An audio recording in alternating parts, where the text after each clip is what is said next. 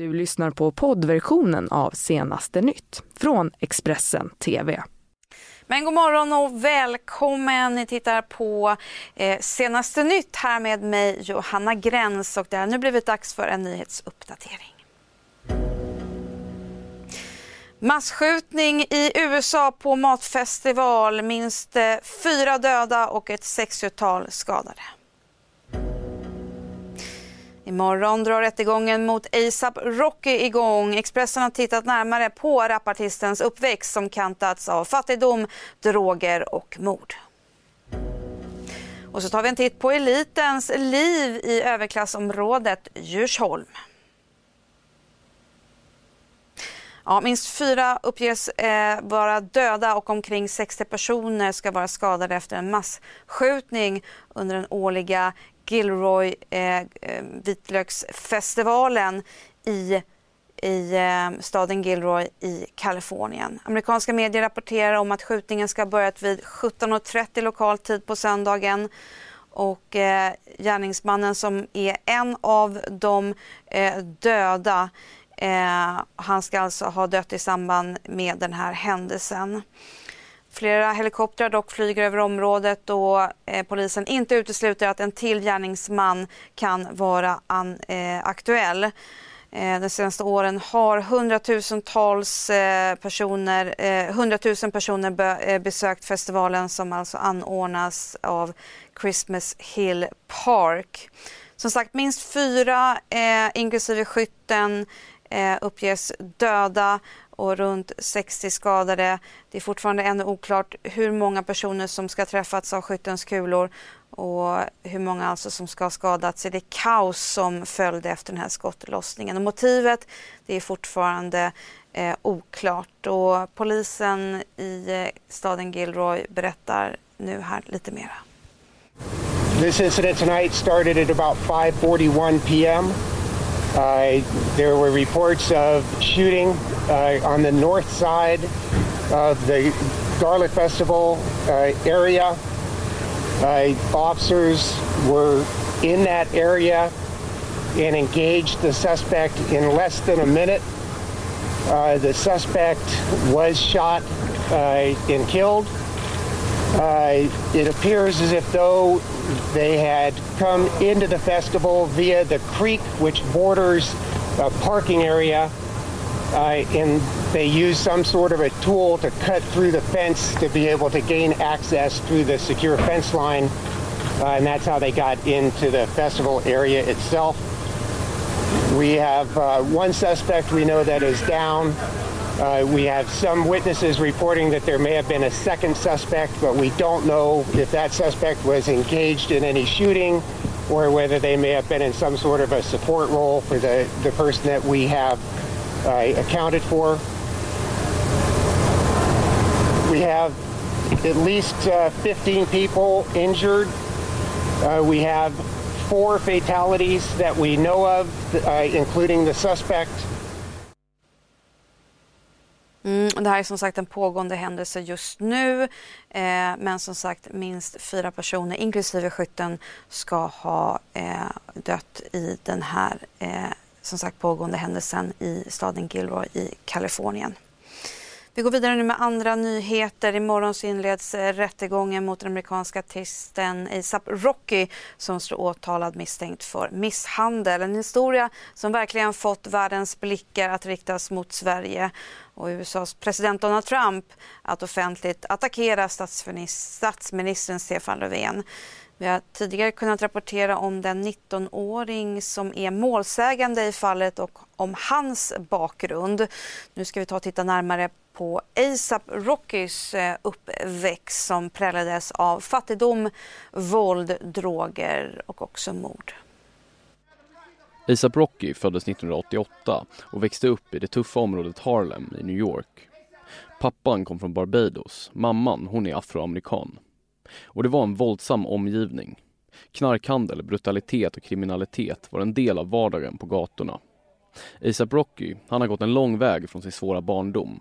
Idag är han en stor förmögen världsartist och har flera stora hitlåtar. Men samtidigt så inleds nu en rättegång mot ASAP Rocky och två män i hans sällskap som är åtalade för misshandel av en 19-årig man i samband med en spelning i Stockholm den 30 juni. ASAP Rockys uppväxt var tuff.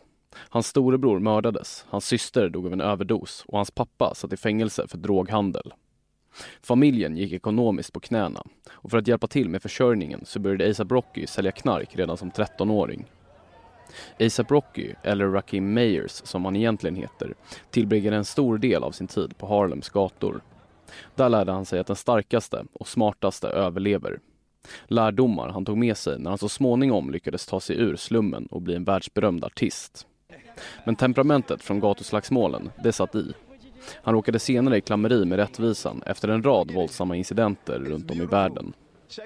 Som 16-åring åker ASAP Rocky fast för droghandel och får sitta två veckor i fängelse på Rikers Island i New York. 2012 grips han efter ett bråk med ett par personer som försökte fotografera honom. ASAP Rocky döms till tre dagars samhällstjänst. 2013 anklagas han för att ha gett en kvinna en örfil på en festival. Fallet det läggs ner eftersom ett vittne inte kommer till domstolen. 2016 hamnar ASAP Rocky i ett knytnävsslagsmål i en hiss i Nya Zeeland. Men den händelsen når aldrig åtal. Ibland så lyckas dock ASAP Rocky behärska sig. Han berättar för brittiska Guardian hur han avstod från att attackera en person som kastade någon sorts bakverk på hans taxi. Jag hade varit en idiot om jag hade slagit till den där killen. Då hade jag inte kunnat komma tillbaka till Storbritannien. Så säger ASAP Rocky den gången. Donald Trump och flera amerikanska världskändisar har engagerat sig i att rapparen ska släppas fri i Sverige. Men mest engagerad det är Renee Black, ASAP Rockys mamma. Och hon har vädjat till svenska myndigheter att släppa honom fri. Let our boys go. Let those young men come on back home and just forget about this situation. I'm pleading, I hope that they let my son home. Okay? I really do. Expressen har utan framgång sökt ASAP Rockys advokat för att få en kommentar. Mm, vi har tidigare kunnat rapportera om att vågen av bilbränder i Lund bara fortsätter och det gör den även nu också för vid, noll, eh, vid tvåtiden i natten till idag alltså så larmades räddningstjänsten om brinnande bilar i Hjärup. Enligt räddningstjänsten ska minst tre bilar ha brunnit vilket lett till kraftig rökutveckling. Enligt SOS Alarm så ska två bilar vara helt eh, utbrända och vid 04.30 natten till idag så meddelade SOS Alarm att räddningstjänsten, eh, räddningstjänstens arbete är avslutat. Och Kenneth Karlsson som är räddningsledare och yttre befäl vid räddningstjänsten, han kommenterar nattens bilbränder så här. Vi har haft brand i två stycken eh, bilar på, på en mindre parkeringsplats som eh, sen har spridit sig till ett större buskage och eh, det har stannat vid det. För vi var ganska, snabbt på plats och lyckades förhindra att det spred sig till en carport och ett förråd. Ja. Det, det brann väldigt kraftigt när ni kom fram? Det var mycket kraftig rökutveckling och, och eh, höga lågor som det normalt är när det brinner i bilar. Polisen var först på plats, hade påbörjat släckning med vattenslang. Är det någonting som kan ha hjälpt till och förhindrat branden att sprida sig? Absolut så gör det skillnad. Så att, eh, de, de har gjort ett bra jobb polisen här. Mm, vi ska fortsätta med en annan brand som har brutit ut i en laggård och en maskinhall utanför Hörby. Eh, det här rapporterar Sydsvenskan. Larmet kom in 04.11 eh, på måndagsmorgonen och räddningstjänst och polis ska vara på plats. Och enligt polisen så finns det en spridningsrisk till intilliggande skog. Dock ska ingen person ha skadats av den här branden. Mm, nu till någonting annat. Expressen har nämligen pratat med några av de största eh, stjärnorna om livet i Sveriges mest exklusiva eh, bostadsområde, nämligen Djursholm, en förort till Stockholm. Och bilderna som målas upp skiljer sig ganska rejält. Djursholm är eh, som många vet ett tillhåll för framgångsrika företagare, arvtagare men också för svenska kändisar och artister. Samtidigt som sångerskan Charlotte Perrelli beskriver området som ett ställe där alla känner alla eh, så beskriver eh, eller så ska jag säga så bor ABBA-medlemmen Benny Andersson isolerad på en egen ö utan några vänner. Spotify-grundaren Daniel Ek, finansmannen Fredrik Lundberg, det före detta tennisproffset Robin Söderling, Charlotte Pirelli och Björn Ulvaeus. Alla har det tillsammans med andra mångmiljonärer och miljardärer valt att bo i Sveriges mest exklusiva bostadsområde, Djursholm. Men alla känner sig inte som djursholmare. Ja, alltså jag tillhör ju inte de där alls, utan jag bor ju här av en slump. Jag är inte liksom med i det gänget alls. Jag känner mig totalt utanför det. Djursholm, miljonärerna och miljardärernas paradis. Ett mytomspunnet samhälle som det skrivits en mängd böcker om. Och nu har det också gjorts en tv-serie på Netflix om Sveriges mest exklusiva bostadsområde. Här bor samhällets elit, det bästa av det bästa. Jan Karlsson, också känd som SAS-Janne, var en legendarisk direktör på flygbolaget SAS. Han bodde under lång tid i Djursholm. Jag upplevde det aldrig som ett snobbigt samhälle när jag flyttade dit och inte heller när jag flyttade därifrån. Eh, alltså jag ser ju att det, det, är, en annan, det är en annan typ av snobbiga statusbilar som uppträder på gator och torg idag. Alltså är Djursholm det du trodde att det skulle vara? Jag hade väl ingen tanke så. För mig är det inte så himla noga vart jag bor. Som sagt, jag hade kriteriet att bo nära stan och jag funderar väl inte så mycket på liksom hur, hur det är på det sättet. Är det ett snobbigt område? Alltså jag kan inte, jag varken vill eller kan uttala mig om det så här. Det intresserar mig inte riktigt. Prata om det i media. Elving här. När du eh, säger att du bor i Djursholm, hur ja. reagerar folk då? Faktum är att jag brukar säga Danderyd eftersom kommunen heter det. Och det, låter, det sticker lite mindre i ögonen. För en del kan det låta lite snobbigt så jag brukar inte skylta med det. Karl Perlhagen är miljardär och framgångsrik affärsman. Han bor i huset där störst av allt spelades in. Huset kostade 80 miljoner kronor och på tomten har han ofta sin helikopter parkerad. Han tycker inte att alla är framgångsrika i Djursholm. Jag tror inte att så är det inte bara. Det finns en del såklart. Du bor ju i huset som där störst av allt spelades in och du har ju helikopter och så vidare. Det är ju, det är ju framgångsrikt, eller hur? Uh, ja, det kanske det är. Jag tycker det är, folk är väldigt enkla och, och känns som ett litet samhälle ungefär sådär som, det, som jag växte upp själv. Man har nära till naturen, man har nära till små butiker, alla känner alla, alla är väldigt trevliga. Björn Ulvaeus har bott i Djursholm i nästan 30 år. Han säger att han inte är någon typisk djursholmare och att det bara fanns en enda anledning till att han flyttade dit och det var för sina döttrars skull. Det enda stället det fanns en engelsk skola var då för tiden i Djursholm. Så det är den enda orsaken. Han tycker att Djursholm speglar en del av det svenska klassamhället.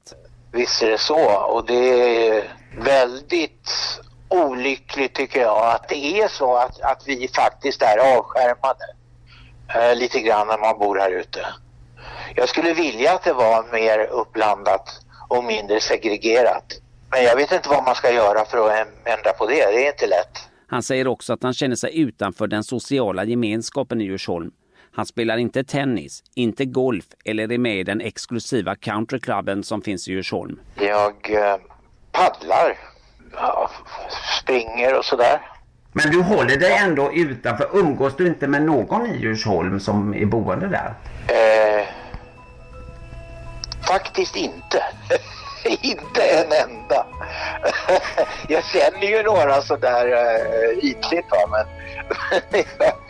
jag umgås faktiskt inte med någon enda. Jag är ledsen. Lonely, I'm Mr Lonely I have nobody